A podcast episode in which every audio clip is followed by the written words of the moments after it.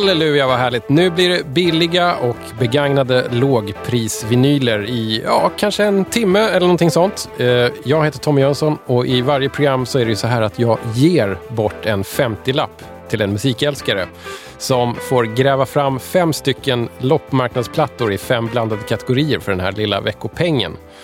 Det blir ju både bra och dålig musik när man gör så, men jag hoppas på att allting som spelas ändå på något sätt är intressant. Frågar du mig så är det så att det blir mest intressant när man liksom rotar i de här stora avlagringarna, de här sedimenten av liksom gammalt bortkastat. Ja, ni vet hur det funkar vid det här laget. Mitt emot mig så sitter eh, dagens gäst, Sara Märta Höglund. Välkommen! Tack så mycket.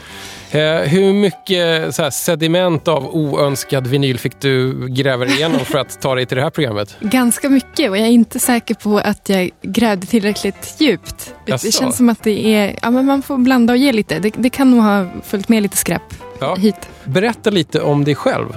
Eh, jag är musikjournalist eh, och skriver mest om musik. Framförallt som musikkritiker i Svenska Dagbladet. Eh, och har annars jobbat mest med radio. Till och med faktiskt ibland varit liksom musikredaktör som det heter. Ja, världens bästa jobb. Att alltså välja musiken som ska spelas. Yes. Ja, det är, jag är avundsjuk, men jag, jag förstår ju också om ingen släpper in mig någonstans när jag börjar kräva att all musik ska vara jättebillig. Nej, nej, men det är fantastiskt. Man tar en kopp kaffe och skjuter ut några Stevie Nicks över, över riket. Ja, det är... Världens bästa jobb, ja. alla kategorier skulle jag nog säga att det är. Finns det någon låt som man mår extra gott av att liksom få med på en playlist? Eh, jag liksom hoppar in som vikarie då. Så att varje gång när man första gången skjuter ut Kirsty McCall New England så mår jag lite extra gott. Jag tror inte att den spelas så mycket när jag inte är där. Okej. så, om man, om man råkar höra den i Ja. FN-bandet så ja, då är det jag. ja, då är det du. Garanterat. Du, jag tänkte köra några så ganska korta och snabba frågor här i början. Mm. Lite uppvärmning kanske. Senast köpta gamla skiva som inte var för det här programmet? Eh, och då, vi kom överens om att det var okej med digitalt där. Absolut. Så då är det nog Talking Heads, People Like Us, alltså själva låten. Själva låten, Yes. vad skulle du ha den till? Eh, jag skulle nog ha den att spela ute. Jag tyckte den passade fint in. Men, men alltså, rätt mig om du är fel, är inte det en så här, liksom, lite så här dragspelig? Eh, lite så här, No, no, no, no. Jo, det kanske är så lätt country-vibb. Eller inte country-vibb, men, men lite så.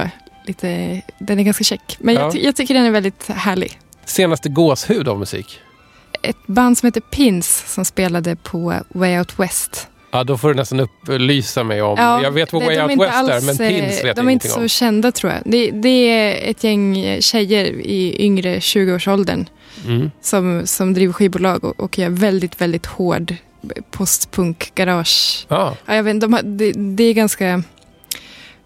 Den genren brukar inte vara så himla skojig nu för tiden men de hade sån extrem spelglädje och energi så det vart så jävla bra bara och smittade av sig. mm. Mm. Eftersom jag älskar den negativa vinkeln så kommer nästa fråga här. Senaste musikbesvikelse?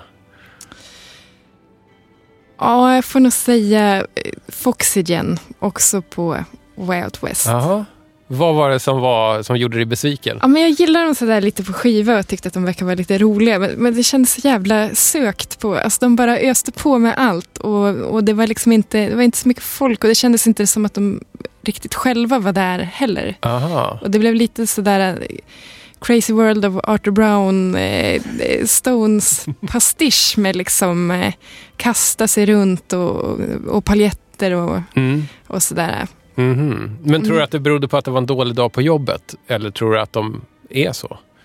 Alltså de kan nog mycket väl vara så. Och att jag upplevde att det inte kändes sådär liksom äkta var kanske att jag själv inte riktigt var, var, var med så. Mhm. Och jag kanske inte var mottaglig helt enkelt för deras show.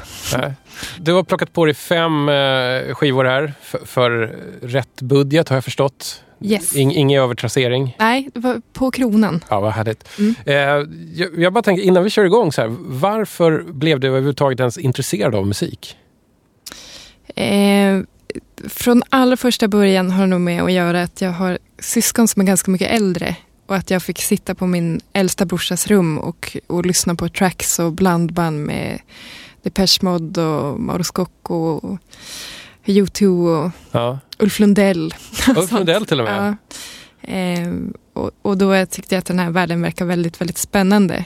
Mm. Och sen så är jag väldigt lyckligt lottad som haft föräldrar som har stöttat alla mina intressen. Om man, om man funderar på att spela basket så har man pl helt plötsligt med ett lag där ens pappa är coach och så vidare. Vilket ju är extremt lyxigt men det gör ju Mm. också att man väldigt fort tappar intresset. Mhm. Men det här fick jag ha, kunde jag flyga under radarn lite och det var bara mitt intresse. Så du, då- du kunde ha det för dig själv? Ja, och jag växte också upp på en plats där det inte händer så mycket. Nu finns det ju internet och sånt där. Men Var, så- var händer det inte så mycket?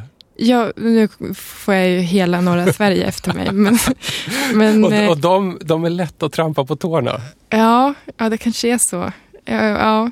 Nej, men i Östersund, jag, jag har förstått att många tycker att det är en underbar plats. Jag tycker det nu, men Ja. jag tyckte inte det när jag växte upp där. Nu, men okej, nu ska jag också få hela, eller delar av norra Sverige mot mig. När jag tänker på Östersund, vet du vad jag ser då? Nickborgen. Jag ser framför mig, för min inre syn, en eh, Gore-Tex-jacka. Ja, Men det, Vad- visst är det funktionsplaggens stad? ja, men det är det verkligen. Det, är, Det och- kanske behövs också. Jag vet inte, alltså, det kanske liksom är ett... ett eh, Alltså det är ju griskallt väldigt stora delar av året. Men det var väldigt ledsamt. Det fanns en skivbutik som också var väldigt, väldigt bra. mm. Och när också den fick lägga ner och öppnade stadens tredje eh, butik för, för kängor och, och liksom funktionsplagg så, så då flyttade jag tror jag Ja. ganska kort efter. Mm. En rätt välmixad bunt av fem skivor ligger framför mig här. Mm. Vi ska vi köra igång bara? Ja men vi gör det. Första kategorin. Chansningen.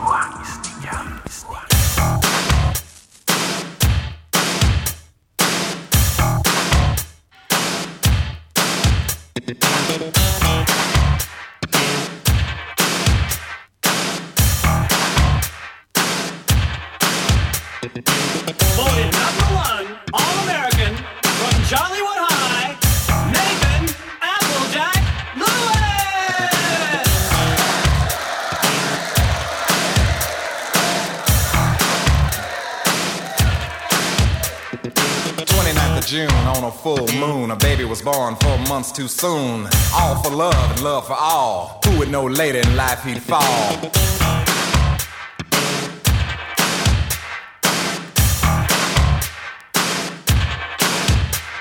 This boy was raised with a steady hand. His daddy was a hard working man. His mama gave him all her love, cause God gave it to her from above. Crack, killed Applejack.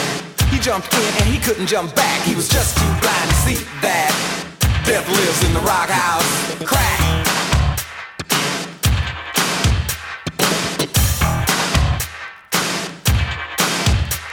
His friends thought it was all for fun. He robbed the old woman with a water gun. His heart was pounding, his eyes was wide, but the devil was on his side.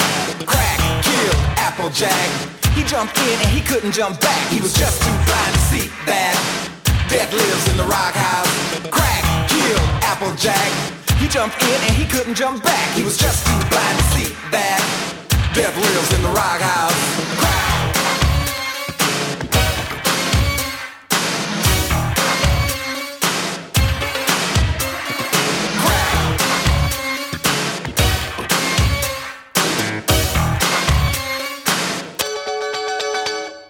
Some say he should have died that day, but he didn't.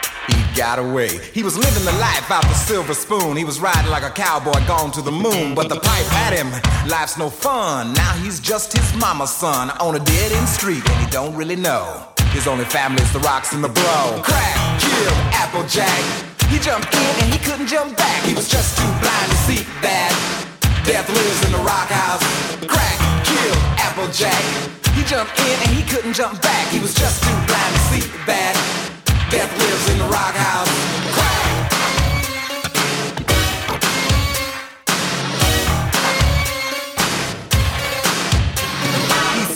Sold his watch, he pawned his ring. Boy, looking for the real thing. And I don't know if I told you about his wife named Annie. He soon began to sell her fanny to the deacon and the plumber and the Indian chief, even to the hype across the street. And when his money and woman was gone, he began to sell his own. Crack, killed Applejack. He jumped in and he couldn't jump back. He was just too blind to see that Death lives in the rock house. Crack killed Applejack. He jumped in and he couldn't jump back. He was just too blind to see that. Death lives in the rock house.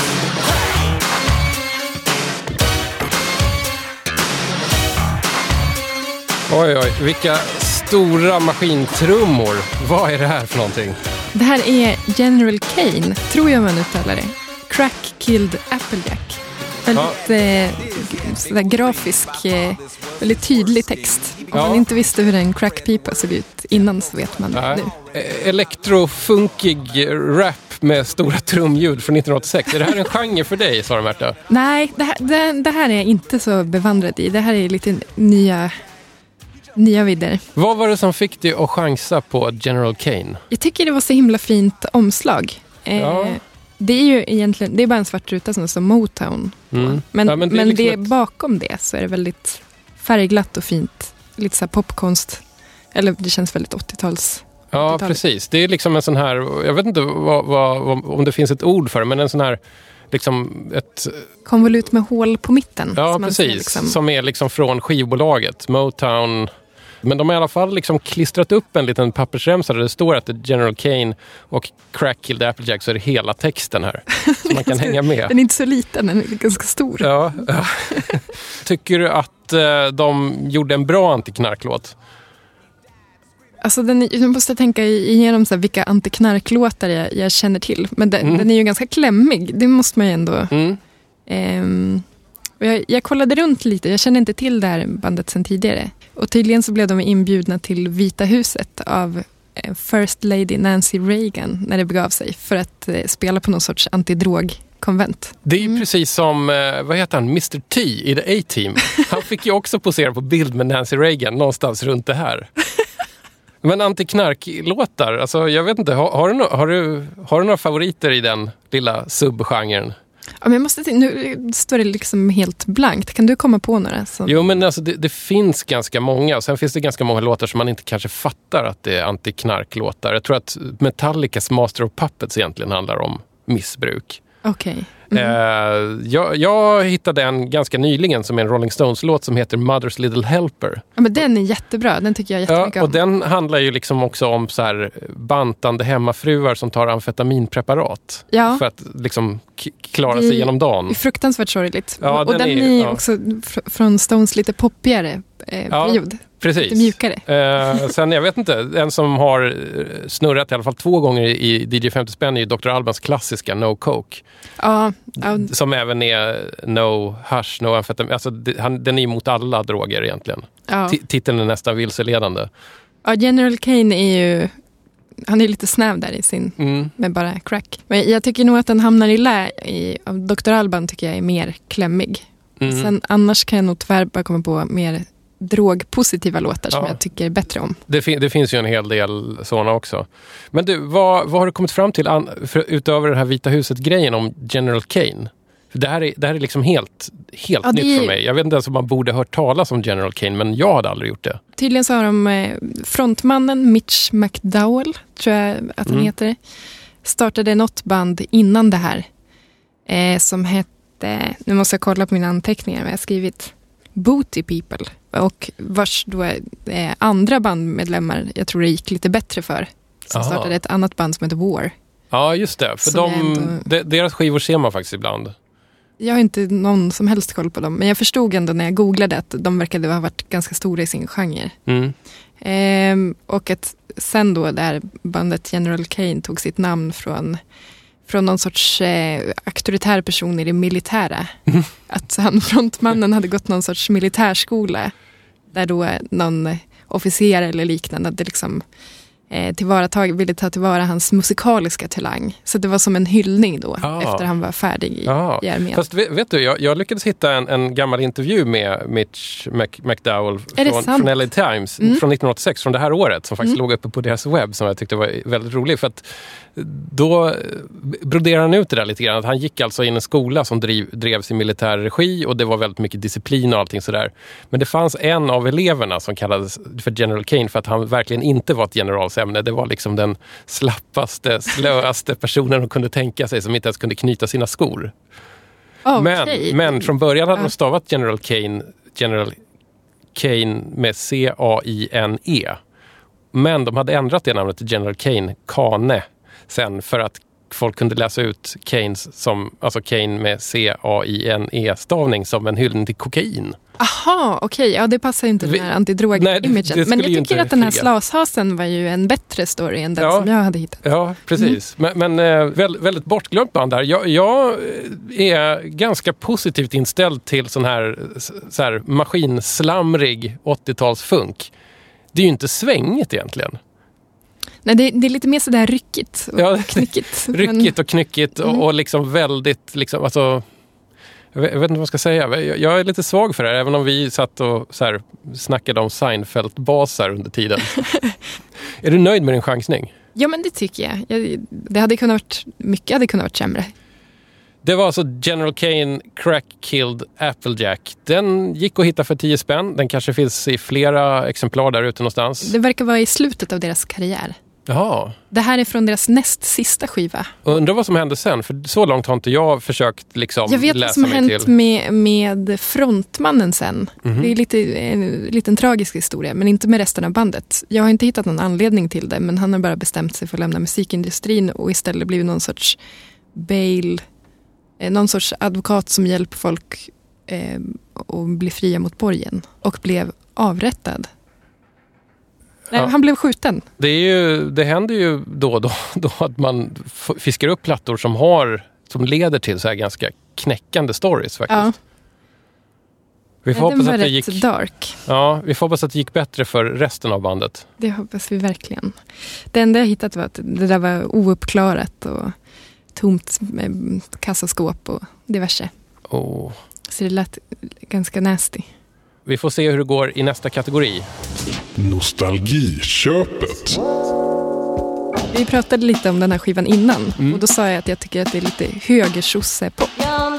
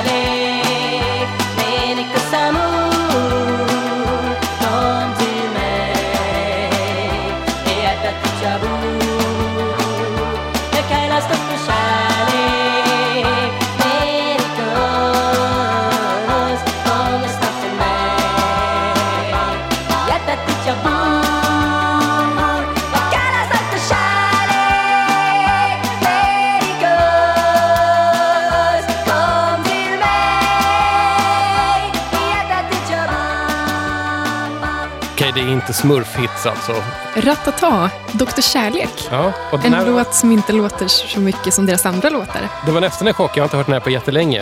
Eh, att den lät så här upppitchad och så här skojig.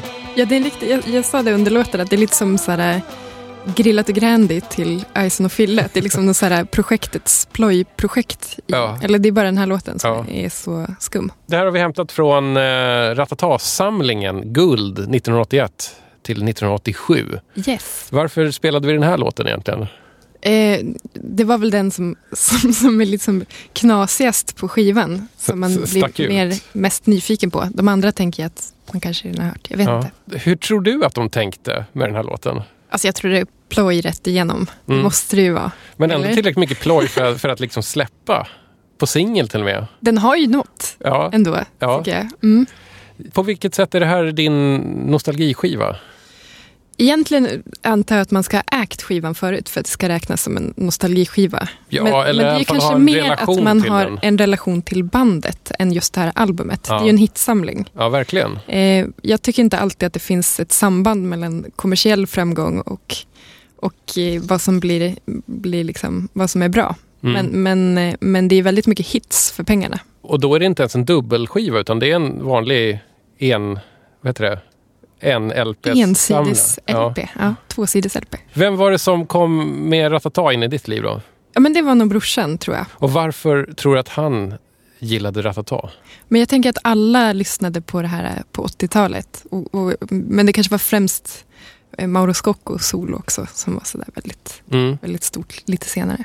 Innan vi lyssnade så sa du att det här är liksom högersosse Ja men det tycker jag. Det musik. Hur- Förklara. men det är, här, det är lite lyxigt och det är li, lite sådär eh, medvetet men kredit för, för en lite äldre publik i, som bor i Stockholm. Ja, och då Kanske blir det högersossigt. Ja men det är vart bor högersossar. Ja. Men du, vilken musik är vänstersossig då?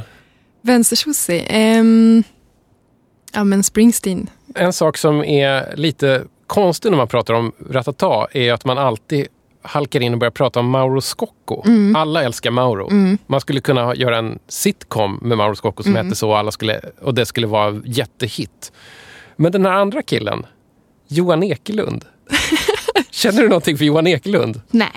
Ingenting? Alltså jag säger, om, om Johan Ekelund skulle gå förbi med sin hund i ett par mjukisbyxor så skulle jag inte ropa på min, på min familj och säga kom, kom, Johan Ekelund går utanför fönstret, vilket är fallet Ah. med Mauro. Då skulle du hojta liksom. Det, har, det kan ha hänt. Vet du någonting om Johan Ekelund då? Ingenting. Det, och jag, jag har faktiskt funderat på det här. Eh, Vill han ha det så? Ja, du tänker att han Ja, eh, vet, är lite av en vill- vill han vara-? Ja, precis. Eller liksom, kan, kan det vara så att han är lite avundsjuk ändå på att Mauro har sån lyskraft? Jag vet inte. Min teori är att han, att han trivs i bakgrunden. För han, han, när jag bara liksom läser på om honom så ser man att han har liksom sina fingrar lite överallt över musikbranschen. Han äger liksom eller en delägare i musikförlag och i någon så här MP3-butik och delägare i en studio. Du vet, han, han är liksom överallt men väldigt mycket sådär i bakgrunden. Medan Mauro Scocco är på något sätt född för att vara stjärnan Mauro. Mm. Man blir ju lite nyfiken på...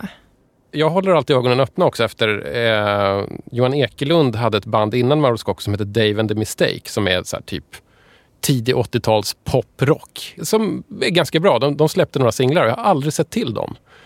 Eh, Men jag tänkte, måste de inte varit ganska unga då? Var inte de väldigt unga när de startade? de var säkert jätteunga. Ja. Eh, och sen så vet jag att han också satte ihop en skiva tillsammans med någon så här filur i utkanten av Lustans Lakejer. Eh, en skiva som hette Demokrati. Som, som, har, alltså som, kom, som kom ut med fem olika omslag, ett för varje parti då. Och så är det liksom så här collage-musik med samplade svenska politiker. Lite ungefär som Motormännen, om du vet, den här informationsteknogruppen gör idag. Ja, Fast 1984. Arbete och bostadscentrum. Exakt. Mm. Och, och den har jag aldrig sett till heller. Det, är det en efterlysning där kanske? Ja, det kanske är en efterlysning. Om någon, om någon har den och vill bli av med den så tar jag hemskt gärna emot den. Det är bara att mejla. Han är, alltså Johan Ekelund är ett mysterium för mig. Jag skulle inte ens känna igen honom om han gick med sin hund. Nej. Nej, det är samma. Inte en susning Mm. faktiskt. Men du, det här med, det är intressant att jag tycker att det är ku- kul att du säger så här högersossemusik för att det, det är någonting med Ratata som får, får människor att vilja sätta olika epitet på dem eller liksom koppla ihop dem med, Mm. inte vet jag, samhällsutveckling. Det gick en Ratata-dokumentär i SVT Just det. Kanske förra året. jättebra. Ja. Ja, av en kille som heter Jonas von Sydow. Mm. I den så hävdar de att Ratata gjorde soundtracket till det moderna Sveriges framväxt. Jag känner att jag kanske är lite, lite för ung för att ha så här, eh, upplevt den vågen. Om jag hade varit lite äldre när jag hade hört de här låtarna hade jag Mm. kanske eh, uppfattat det så. Men de har nog haft ganska stort eh, intryck och avtryck på, Ja, på generationer ändå. På något sätt så verkar de ha infört någon slags elegans i svensk musik utan att det Ja. blir liksom så här överdriven elegans eller så här pastischelegans. Gustavs Lakejer är ett sånt eh, band. nej, nej, men Men- det känns så lyxigt och lite snyggt. Och sen, jag tänker att alla band som är bra liksom, går lite i cykler. Att ibland är de häftiga och ibland tycker man att de är urtuntiga. Mm. Eller som man märker att det finns så kollektiva Fleetwood Mac-perioder eller sådär. Men, men det känns som att Ratata har aldrig riktigt varit på utelistan. Nej, det är nog helt sant. Roligt att du, att du eh, pekar tillbaka på den här kollektiva Fleetwood Mac-psykosen här om året. eh, För några år sedan. Ja, men som, lite som nu är, är det ganska fräckt att gilla Roxette. Det tror jag inte att det var för fem år sedan kanske. Va- Är det, är det fräckt att gilla Roxette nu? Ja, men, eller jag har förstått det så att det är lite, jag tycker många liksom ganska så här, smala eh, Gud, gud vad intressant. hojtade nu när det var spelning här. Att då, nu är de redo för att uppvärderas liksom, efter att ha varit i frysboxen ett tag. Ja, ja men det tror jag. Vet du, vi måste göra en sak med den här låten som vi lyssnade på. Ska vi dra ner pitchen lite grann och, och se om den låter Ja, det här ser jag mycket fram emot. som Jag, någonting annat? det kanske låter skitbra, tänker jag.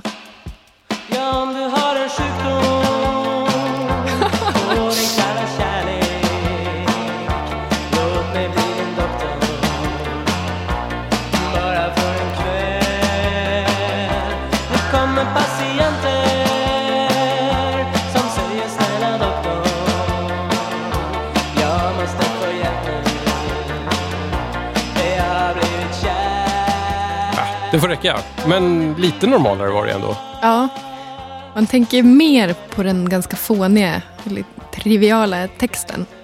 Jag kan tänka mig att de har haft ganska kul när de spelade in den här. De, de måste ju ha haft det. Mm. Men det är fortfarande ett frågetecken, li, lite varför. För det här, det här är liksom verkligen den udda fågeln i Ratatas låtkatalog. Milt uttryckt. Okej, det där var nostalgiköpet. Nu är det dags för... Skivbörsklassikern. Oh, det här... Jag har väntat länge på att den här artisten skulle dyka upp. Jag kan säga att jag slutade räkna vid, jag, det var, jag tror det var sex backar. Jag slutade räkna vid elva exemplar av den här skivan. Just den här skivan. Just den här skivan. Du körde inte en sån här att fronta alla backar med den då? Nej, jag var lite sugen, men jag, jag vadade igenom ett hav av James Last, av kanske fem ex av Herreys första, eh, kanske enda skiva. Men den här liksom utmärkte sig så, Oh. så oerhört. Om vi börjar natten tillsammans så vill jag att vi ska möta morgonen ihop. Om vi börjar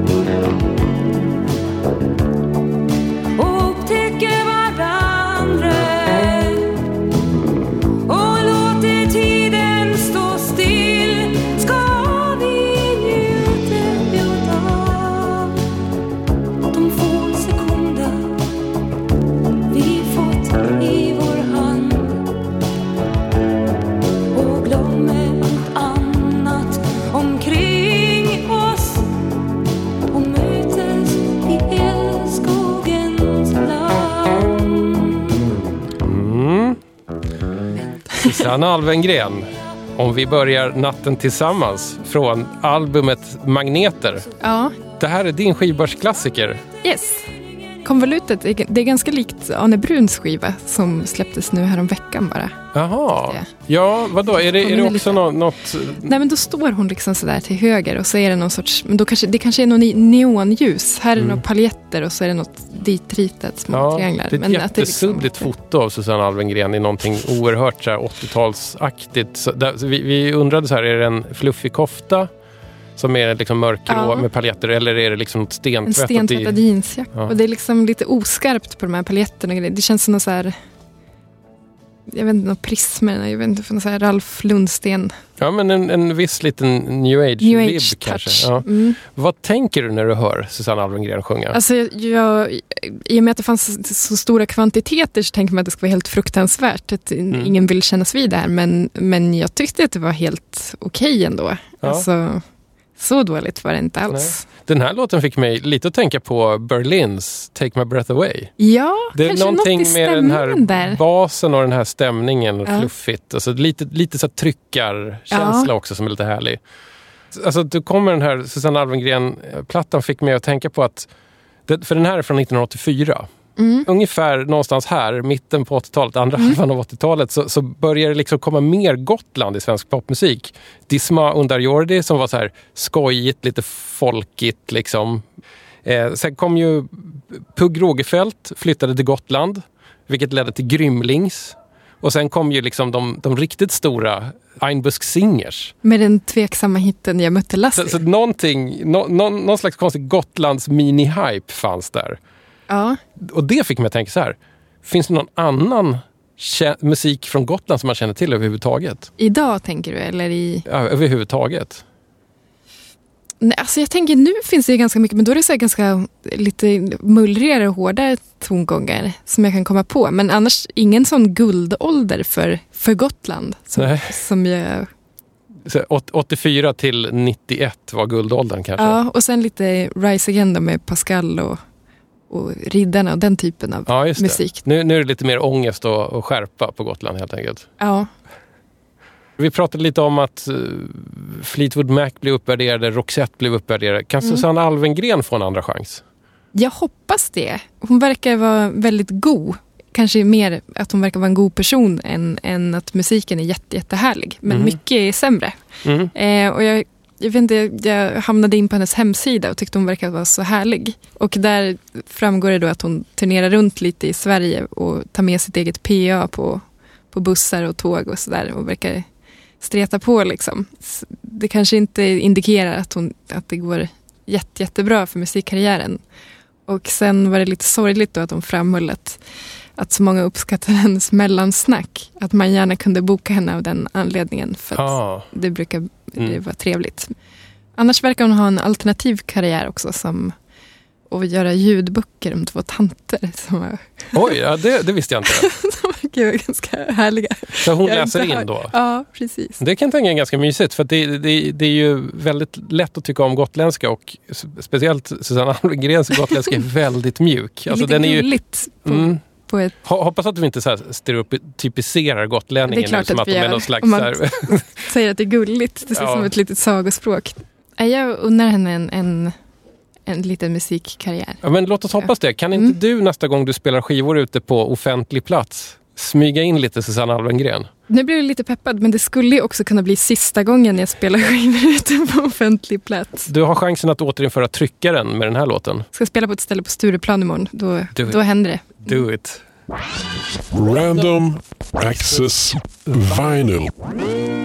Det är nästan så att jag tror att vi ska ha någon slags förvarning här. En sån här trigger warning eller vad det kallas nu för tiden. Jag tror att den här behöver en triggervarning. Vad säger man då? Ja, jag vet inte. Det, det, det, det finns...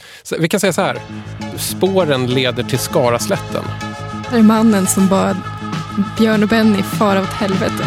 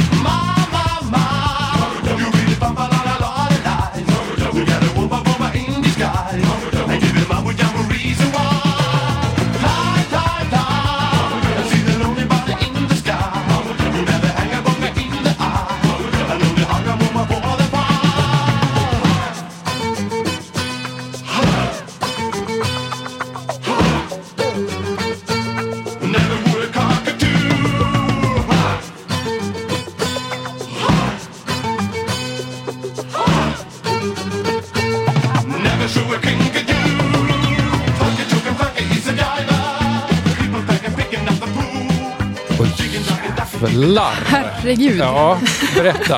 Vad är det här? Det här är Paul Palett. Mumbo Jumbo. Mumbo Jumbo. Eh, en låt som verkligen är vad den heter från albumet Mumbo Jumbo. Jag undrar precis om det var någon, någon riktig text på den här.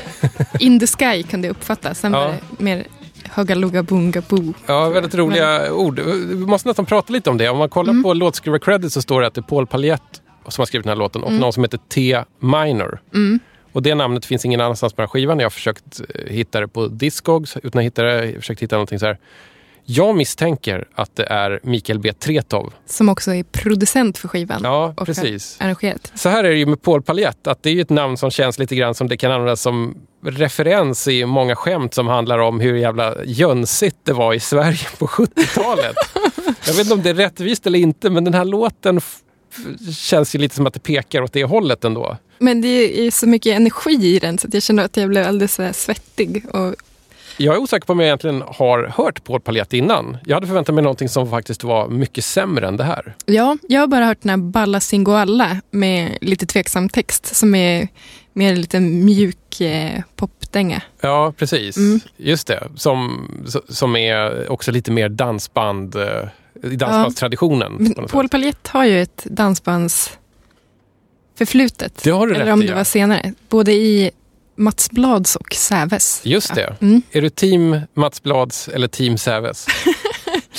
Ja, jag, jag har inte bestämt mig riktigt. Nej, jag är stenhårt team Säves. Ja, Mats Blads känns lite sådär rovdriftsdansband medan Säves var... det finns en lit, liten popådra i alla fall där.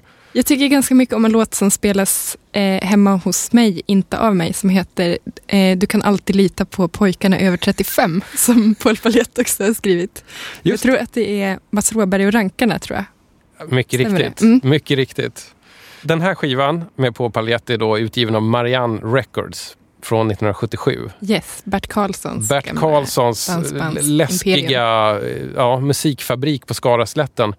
Eh, jag vet inte vad, vad det är för slags pengar han försöker tjäna på det här egentligen. På Paul Paljett? Ja, för, för att uppenbarligen är det här en ganska påkostad skiva. Om man, Mm. om man tittar på studiomusikerna som är med och spelar så är det i princip Abbas live lineup plus lite andra ganska namnkunniga studiomusiker. Så det, är, det är liksom inte dansbandsgänget som står och Men spelar. det är Janne Schaffer och vad är det mer för namn som dyker upp? Rutger Gunnarsson och Mm. Roger Palm och ja. Anders Glenmark på kör. Vad var planen med Paul Paljett? Det känns ju som att de har storsatsat. Jag Mm. hittade också en artikel från föreningen Sunkit Mhm. där det stod att, att eh, något citat som jag tror var för sig från ett albumkonvolut att Bert Karlsson hade Paul Paljett t-shirt varje dag under andra eller under mitten av, av eh, 70-talet. Oj. Mm.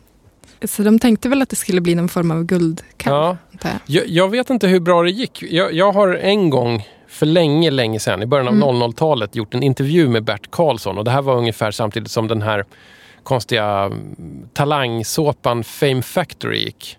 Just Kommer du ihåg det. Fame Factory? Jag har aldrig sett det men jag har varit på den där inspelningsplatsen. Ja. Jag känner till, det är liksom innan Idol. Ja, precis. Och det är på Skaraslätten. Det, det är helt och hållet uppbyggt kring Bert Karlssons Mm. Jimmy musikfabrik. Jansson kommer ett namn flygande. Kan Ja. det vara någon produkt det? Ja, det kan det nog Ja. vara faktiskt. Och då vet jag i alla fall att någonstans i den intervjun så, så höll jag på liksom att storkna av att Bert Karlsson bara skröt om hur mycket pengar han har tjänat på musik och allting egentligen har gått bra. Det har gått exakt enligt hans planer och allting har sålt jättebra. Så jag Mm. Men någonting måste ju ha floppat. Någonting måste ha gått dåligt. Det måste finnas någon artist som inte hämtade hem pengarna. Och då satt han där, han hade en hel kartong med semlor framför sig såklart. Och, och tänkte ett tag och sen så efter ett tag så kom, kom det fram med så här, ja, Paul Paljett. det, det gick inte så bra. Det känns lite som att han har varit lite av en bad boy också. Jag vet inte om han har tagit han kanske en serie av, dåliga beslut. Mm. Jag hittade också en nygjord eh, intervju med, vad heter han, Arthur Ringart, Ja, just det. tv-sportankaret. Ja, på, på den här nya sajten News 55. jag känner inte till vad det är för sajt. Jag tänkte att Arthur någon Ringart har startat en, en, eh, nyhetssajt som jag tror de har på något sätt pitchat som Huffington Post fast för gamlingar. och det är jättemånga så gamla, liksom, gamla medieprofiler som egentligen borde vara pensionerade som, som skriver för den här sajten. Okej, ja men det, det låter lite kul. Och- Det var i alla fall en fruktansvärt rolig intervju. Med Paul Paljett. Ja, Alltså. det var det. Jag, jag vet inte om det var meningen att det skulle vara rolig, men det var, det var så många gyllene citat som... Du får alltså dra något av dem. Ja, nej, men det, det framgick då i alla fall att Mikael B. Tretow hade liksom presenterat honom för Björn och Benny som ville samarbeta. Ah. Eh, men då var han tvungen att lämna artistnamnet Paljett. Och då han då ska ha sagt då, citat, far åt helvete. eh, så jag tycker att, att då måste, han måste ändå ha haft en tro på, på sin musikkarriär. Mm. Men jag, jag vet ju att han, att han har ju gjort eh, också en hel del andra saker. Han har drivit hotell och diskotek i sin hemstad Trollhättan. Just det. Just nu så jobbar han ju på, en, på Blixt begravningsbyrå, deras Trollhättan-kontor. Begravningsentreprenör känns ju lite grann som motsatsen till det vi precis hörde. Skulle du anlita Paul Palett för att till exempel begrava någon kär och nära? Det är ju den där lilla detaljen att han också har gjort en låt för Ny Demokrati som, som jag känner att jag kanske inte skulle vilja släppa in honom Ja, på, nej, på min du, begravning. du tänker på Bert Ians eh, Häng med, häng med. ja, precis. Ja, en, en, en riktig så här, populist-dansbandsmarsch får man nog nästan beskriva en sån. Ja. Jag kan verkligen inte rekommendera någon att lyssna på det. Den är hemsk. I alla fall efter det här att han har bett Björn och Benny fara åt helvete så, så får han en fråga då i den här nya intervjun om, om han har blivit klokare med åren. Och så resonerar han lite ett tag. Och sen så här, ja men kanske det. Jag tror inte att jag skulle säga nej till Björn och Benny idag. Alltså när du kommer med så här högkalibrigt vinylavfall som en Paul Palett-skiva så vill jag gärna höra mer. Ska vi, ska vi testa bara en liten snutt av en låt till? Det är någon som kanske är lite, lite lugnare i tempo bara så att man... Ska vi testa hans försök till reggae? Ja men det kan vi göra. Den tror jag har en riktig text också.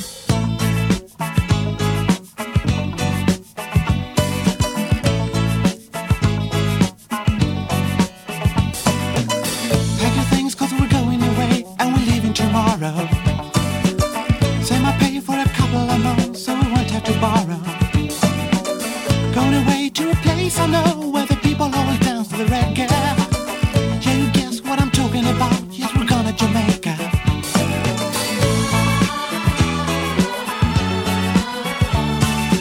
Hello, hello, Jamaica. Hello, hello to you. Ja, vad säger du? Det var ju lite otippat Ja. sound. Ja, verkligen. Det är när de där ABBA-körerna kom in också. Ja. Det kändes väldigt mello. Mer mello än reggae. Så. Ja, verkligen. Det, det får man ju lo- lov att säga. Men du kan ta en kille från Trollhättan, men du kan inte ta Trollhättan från en kille. Typ. Det, så, kan, så kan det nog vara i det här fallet i alla fall. Vet du vad? Det är bara en skiva kvar i din bunt här. Fyndet. Som egentligen inte riktigt kan kategoriseras som ett fynd. Jag, jag såg egentligen den här Agneta Fältskog-skivan är Mm. med som jag tycker är en fantastiskt bra låt. Men den spelades Ganska för inte nyligen. alls länge sedan Nej. i det här programmet. Så då Nej, tänkte jag att ja, men då tar vi den här. Det är ändå en, en klämmig bit.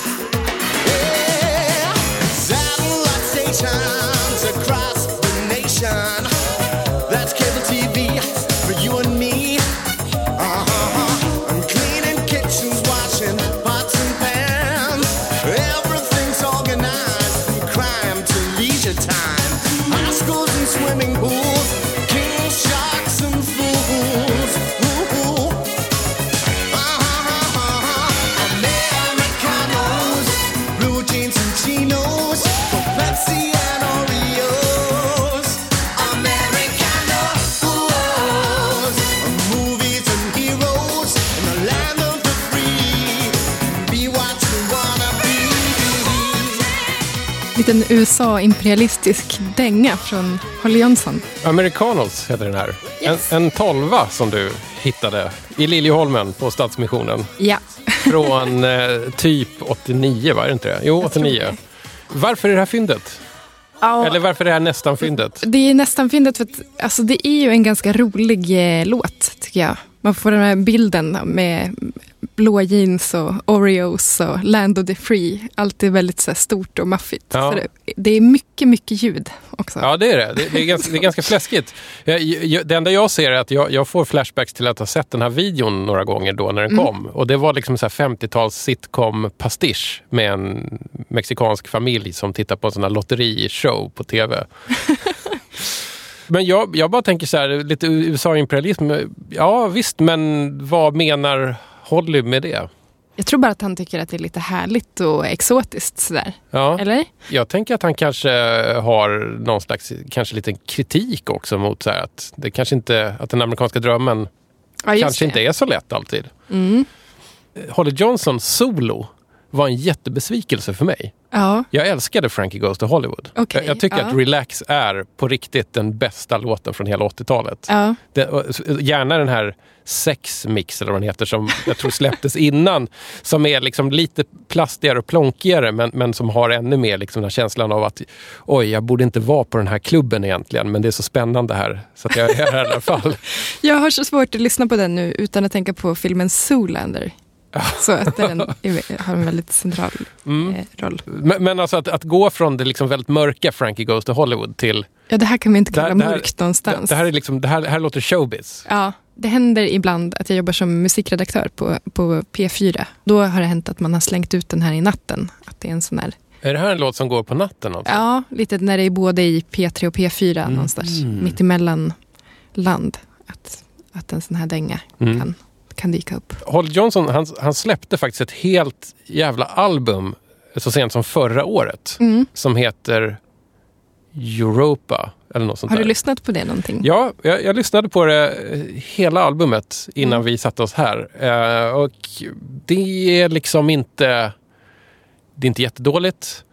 Men det är inte heller jättekul. Han försöker göra någonting som är nära liksom Pet Shop Boys. Mm. Utan att ha liksom deras finess. Mhm. Ja. Eh, och, det, och det är den här väldigt konstiga, du vet den här engelska genren av ganska vuxen pop med Mm. riktiga låtar och ganska mycket dansmusik och klubbinfluenser. Ja, jag tänkte på det, men det, då tänkte jag på lite så här med Pet Shop Boys och New Order och så. De har ändå så himla mycket nyanser i, i eller jag tycker de är så bra på det. Men, men här finns inte det riktigt. Det är lite mer sådär äh, rakt på. Har du hängt med liksom vad som har hänt med Holly Johnson sen det här? Nej, men jag vet att efter han släppte den här skivan som den här låten var med på så, så försökte han sig på en karriär som konstnär. Mm, Eh, jag vet väl mycket lite om det här. Mm. Jag har bara gissat i huvudet att det är någon form av ganska så skrikig popkonst Ja. med hemska färger. Mycket Ja. klarblå, klar Ja, ja. Han kanske är helt fantastisk. Jag har bara jag tänker på hur det låter och hur det borde se ut i förhållande till det. Liksom. Men mm, Jag var ganska besviken när den här kom. Nu kan jag nog uppskatta den för vad det är. En perfekt låt för nätter i P3 och P4. mm, ja, men det är det ju. Tveklöst. Du, programmet är nästan slut här. Eh, du ska snart få precis vad det alltid blir när man avslutar. Men jag ska dra lite så här eftertexter först. Yes. Och då tänkte jag säga till dig som lyssnar eh, och som tyckte det här var kul eller tyckte att det här var förfärligt. Hör gärna av dig. Jag finns på Facebook. Där finns det en sida som heter DJ50 spänn som man kan lajka och skriva saker på. Jag finns på Twitter och heter DJ50 spann med en sån här liten alfakrull innan. Och på Instagram också faktiskt, där man kan se ibland bilder på skivfynd och eh, gäster och lite annat. Och om ni ändå håller på, betygsätt gärna och kommentera någonting om min lilla podd på iTunes Store. Man kan sätta stjärnor där och då, då sätter man gärna fem om man tycker att det är bra. Och om du verkligen, verkligen gillar DJ 50 spänn så mycket så att du känner att du vill supporta det här och, och att det ska göras ännu fler avsnitt där jag kanske flyttar på mig till en annan stad eller kanske skaffa bättre mickar, inte vet jag. Så tycker att du ska köpa en tygkasse med ett snärtigt litet DJ 50 spänn tryck på. Det finns alltså merch. Den här tygkassen kostar 120 kronor och om du går till min webbsite så finns det en liten info om hur man köper den där. dj50spann.se är det i så fall. Nu är det liksom färdig eftertextat här. Eh, du vet väl vad som kommer att hända nu va? James Last.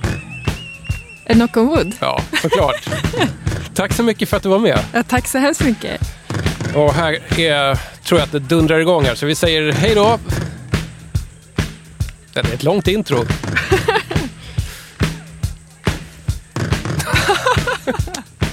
nu får de ju börja spela snart.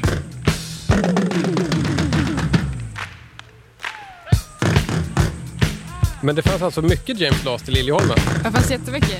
Jaha, för att det har liksom börjat sina lite i Stockholm tycker jag. James Last spelar klassiskt. James La- James Last eh, ryska hits. Är det? Ja, det. Det tycker jag Stockholm.